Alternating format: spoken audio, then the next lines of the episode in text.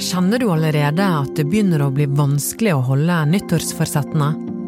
Eller har du gitt opp å lage nyttårsforsett i det hele tatt? Dette er tiden for forbedringer. Vi starter med blanke ark, men så gir de fleste opp etter hvert. Hva skal til for å bli motivert, og ikke minst komme i mål?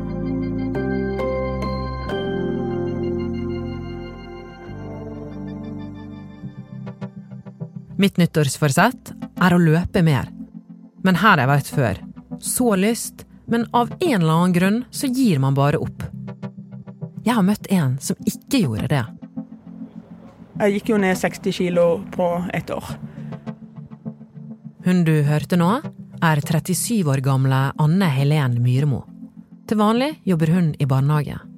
For syv år siden veide hun 120 kilo.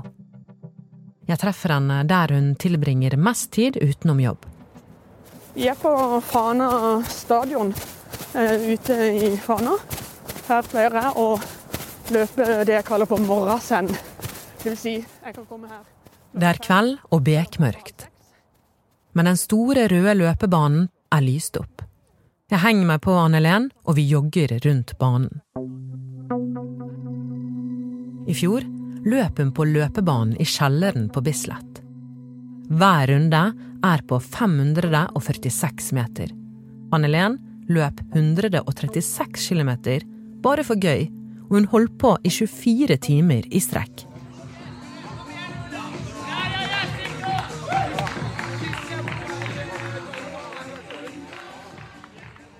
Hvorfor løper du? Det er nesten som det kribler litt i kroppen. Jeg føler en glede. Jeg får faktisk lyst til å danse. Liksom bare, du føler deg så mye friere. Det er, liksom, det er bare at kroppen blir løsere. Det er, det er bare en frihet, rett og slett. Jeg blir veldig nysgjerrig. Hva var det som gjorde at en kvinne som veide 120 kilo, som levde på fastfood og lite fysisk aktivitet, begynte å løpe, og nå løper over 100 km om hun får sjansen? Sånn, jeg, jeg, drev jo med basketball og jeg trente jo fotball når jeg var liten. Og så når jeg ble student eh, her i Bergen i 2003, så var det jo bare skole Det var, begynte litt med basketball, men så dabba det bare totalt av. Og da gikk jeg kraftig opp i vekt. Jeg var vel eh, over 120 kilo. Og da brukte jeg mye tid på rommet, for å si det sånn. Jeg var mye for meg sjøl, og det var ikke en god følelse. Jeg fikk liksom aldri med ut på ting, eh, egentlig. Jeg følte Ja, det var en litt depresjonperiode, rett og slett. Flere ganger forsøkte Anne-Helen å gå ned i vekt. Hun feilet hver gang. Men sommeren 2015 skjedde det noe. Jeg satt faktisk og så på Tour de France med faren min, for han var på besøk. 2,2 km igjen, og vi får bilder av bakerst på halen av hovedfeltet. og Det skal filmes litt Chris Froome, så er det en idiot som hadde kommet inn i løypa. Det er det verste jeg har sett. Det sto en mann midt i svingen. Ja, det var jo tullete, men nå er Alexander Og, og fikk jeg bare sånn kick. Nå, vet du hva? Nå skal jeg virkelig gjøre en ærlig forsøk igjen. Hun bestemte seg for å låne en sykkel skulle sykle opp eh, Nordåsdalen. Det er en sånn 600 meter lang bakke rett borti her i Fana. Og så skulle jeg ikke stoppe. Den mestringsfølelsen jeg fikk da på toppen etter den andre gangen jeg gjorde det, det var det som var nok til at vet du hva, nå skal jeg begynne. Å sykle, det gjorde hun. Nesten hver dag. Det gikk ikke mange uker før hun syklet Gullfjellet rundt.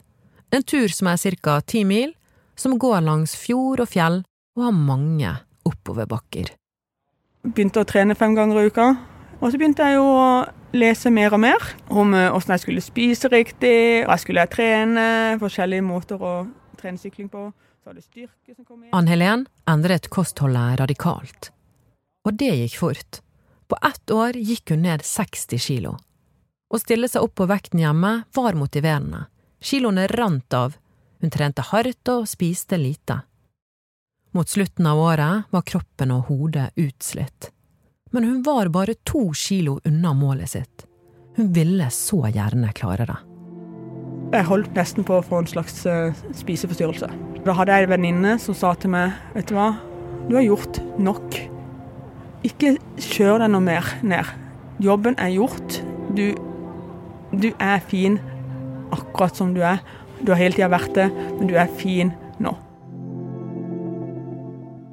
Samtalen ble et vendepunkt for Ann Helen. Selv om hun ga seg før hun hadde nådd målet sitt, sluttet hun å telle kalorier og begynte å spise normalt.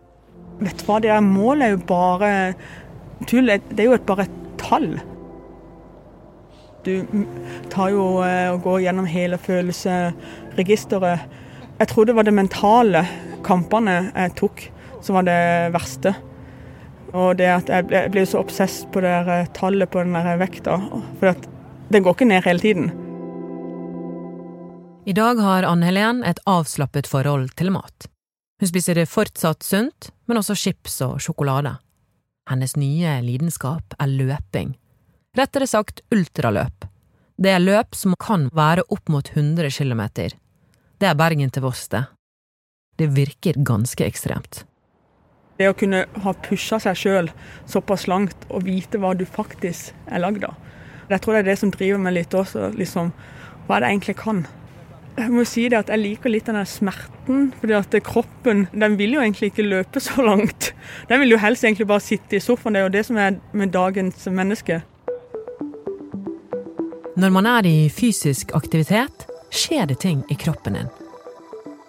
Det første du kjenner, er gjerne at du blir litt andpusten, får høyere puls og blir varmere. Samtidig kan du bli ruset på kroppens egne hormoner, som serotonin også kjent som lykkestoffet. Dopamin, som er et signalstoff som er en del av kroppens belønningssystem. Dopamin kan også utløses når du gjør andre ting du liker, som å spise sjokolade eller ha sex. Endorfiner de kan lindre smerte og gi en følelse av velvære. Mye av dette kan være drivkraften til de som løper. De jakter på flytsonen. På engelsk kalles det runners high. Kroppen bare slapper totalt av.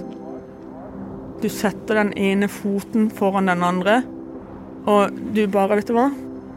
Nå skal jeg bare bevege meg framover. Jeg skal ikke rekke noe, jeg skal ikke noe som helst. Plutselig så har du vært ute i ti minutter. Plutselig har du vært ute en time. For du mister egentlig tid og begrep om tid og sted, egentlig. For du bare fokuserer på det du skal. Vi har alle vært der. Vi vil, men vi får det ikke til. Uansett hvor digg følelse trening kan gi oss, kan motivasjonen forsvinne. Ifølge den amerikanske psykologen Wendy Woods, som har forsket på atferdsendring, så er det vanlig at man tror at viljestyrke og selvkontroll er de avgjørende verktøyene for å nå nyttårsforsettene sine. Intensjonen er viktig for å sette seg mål, men det er ikke det som gjør at vi lykkes. Fellesnevneren er vaner. Det kan være vanskelig i starten, men når de først er på plass, så blir vanene automatiske og ubevisste, ifølge Woods. I en studie fra University College of London fant man ut at det tar i snitt 66 dager å danne en vane som varer. Så hvis du startet med et nyttårsforsett i år, så er altså 8. mars dagen du kan være tryggere på at du har lykkes. Det som er med løping for meg, er jo at eh, den som mediterende greie. Jeg kan føle absolutt alt i hele verden når jeg er ute og løper. Så kan det kanskje være litt skummelt også. For jeg, jeg, jeg, kan løpe og ha så mye tanker. Jeg, har, jeg, kan begynne å grine, rett og slett. For jeg føler absolutt alt. Så det er også en ting som gjør at jeg liker løping. For at jeg, jeg klarer å bearbeide tanker. I sin årlige rapport fra 2019 meldte treningsappen Strava at 19. januar er dagen folk flest vinker farvel til nyttårsforsettene sine. Men det er ikke 19. januar helt annet. Jeg knytter skolissene og gir Flytsonen et nytt forsøk.